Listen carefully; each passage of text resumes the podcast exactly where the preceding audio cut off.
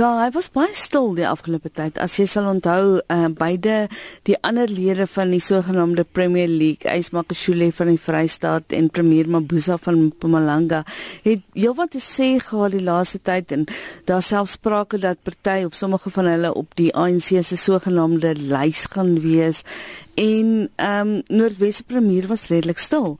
Ek dink hy het daar's drie moontlike redes.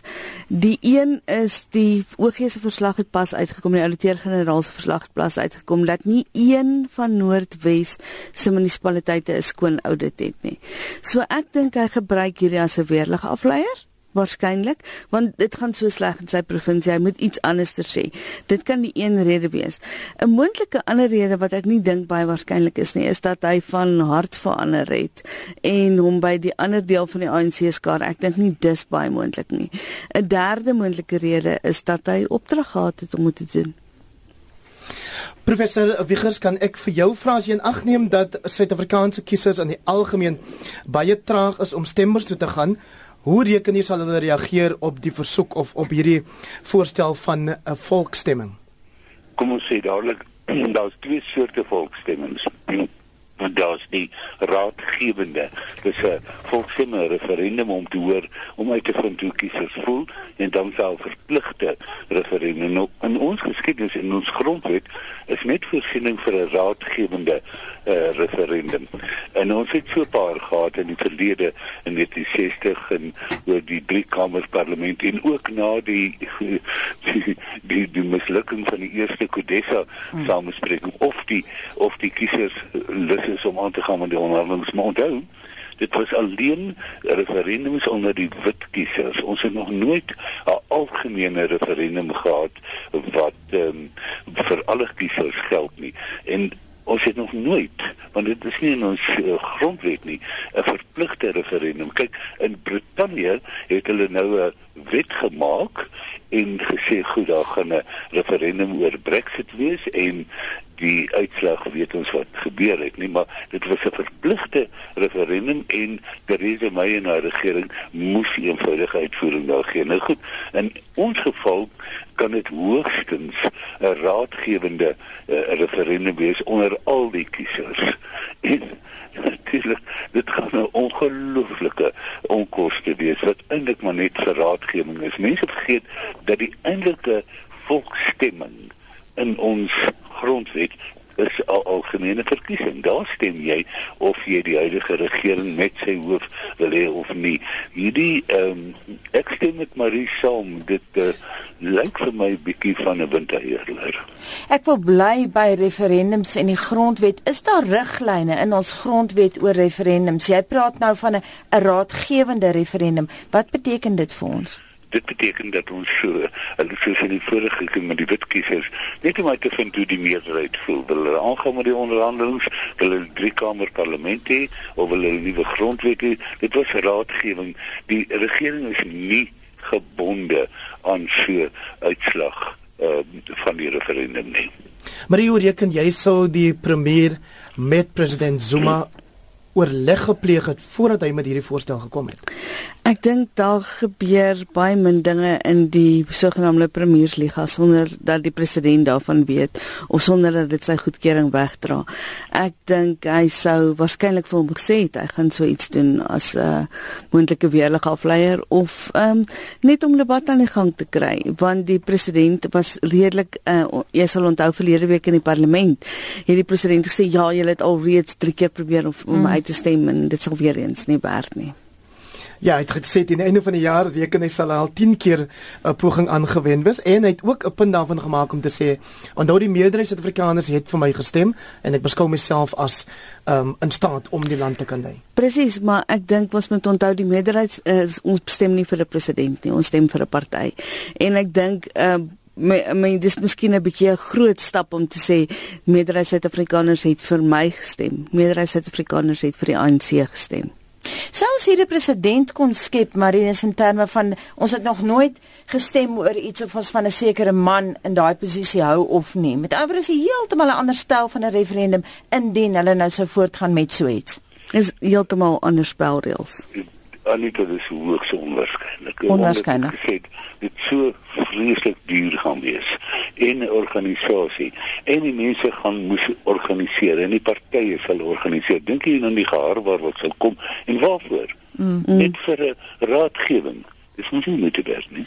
Marie, die Noordwes premier het nou ook gesê die meerderheid van Suid-Afrikaners wil nie hê Jacob Zuma moet uittreë nie. Is hy reg? Wat sê julle jongste meningspeilings? Ek vra spesifiek vir jou, nie as politieke ontleder nie, maar as iemand wat betrokke is by mm, Ipsos. Mm.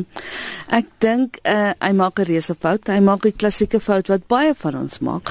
Wat want, Cameron gemaak het. Wat Cameron gemaak het wat baie ander mense maak, want mense sê gewoonlik, nee, maar ek het dit nog nooit gehoor nie of niemand van my vriende sê so nie. As jy net met mense van 'n sekere groep praat, dan uh, kleur dit jou opinie oor dinge. En om die waarheid te sê, 2/3 van Suid-Afrikaners het in my gevoel dat die president moet bedank. Ehm um, dit was ook 54% met ander woorde meer as die helfte van ANC kiesers het gesê die president moet bedank. Ehm um, 62% van ANC kiesers het vir minder as 5 punte uit 10 uitgegee. So ek dink ehm um, meneer Mopelo maak regtig 'n fout. Hy weet nie wat op die grond aangaan nie. Uh, hy dalk weet dalk wat in Noordwes aangaan, maar hy lees die res van die land heeltemal verkeerd. Marinus Wiegers, uh, dit is amper embarrasserend as ek uh, daai anglisisme mag gebruik uh, vir ontleeders en baie van ons in die media dat die temperatuur van die bevolking dikwels deesdae so verkeerd gelees word en jy verwys vroeër na die die Brexit uh, uh, menings of die Brexit uh, liewer referendum en ons het pas gesien in die Britse verkiesing dat premier Theresa May ook daar natuurlik ontnigter is deur die uitslag. Ja, hierdie meningopnames is maar altyd eh, en ek hoor wat Marie sê en ek dink hulle hulle is eintlik baie goed om te maak meningopnames maar volgens ons kiesreg moet meningsopnames so rukkie voor die verkiesings gestop word mm. Juis omdat dit mense beïnvloed en mense weerhou daarvan om vir hulself te dink. Nie net meeste van die kiesers nie vir hulself dink nie of wel vir hulself dink maar uh, die meningsopnames is baie belangrik vir die politieke partye politieke organisasies hulle moet weet waar moet hulle organiseer maar dis nie so betroubaar nie. Hoe lank voor so 'n stemming uh, Marinus Wegers reken jy moet die meningspeilings gestaak word? Ek sê sê so minstens 'n paar weke, 2 of 3 weke voor die tyd. Marinus, eh, daar's twee dinge waarmee ek nie met jou saamstem nie. Ek dink ons moet onthou dat meningspeilings slegs waar is vir die tyd wat hulle gedoen word. Jy kan nie nou 'n peiling doen en sê dit gaan die geval wees in 2019 nie. Dan moet ons ook onthou van Suid-Afrikaanse kiesers dat ongeveer 10 miljoen van hulle glad nie eers geregistreer is om te stem nie. In verlede jaar se munisipale verkiesing het 'n verdere 8 of 9 miljoen nie gaan stem nie. So dis eintlik nogal 'n kuns en 'n wetenskap om op die einde 'n voorspelling te maak van die wat wel gaan stem en wat hulle gaan doen en sê.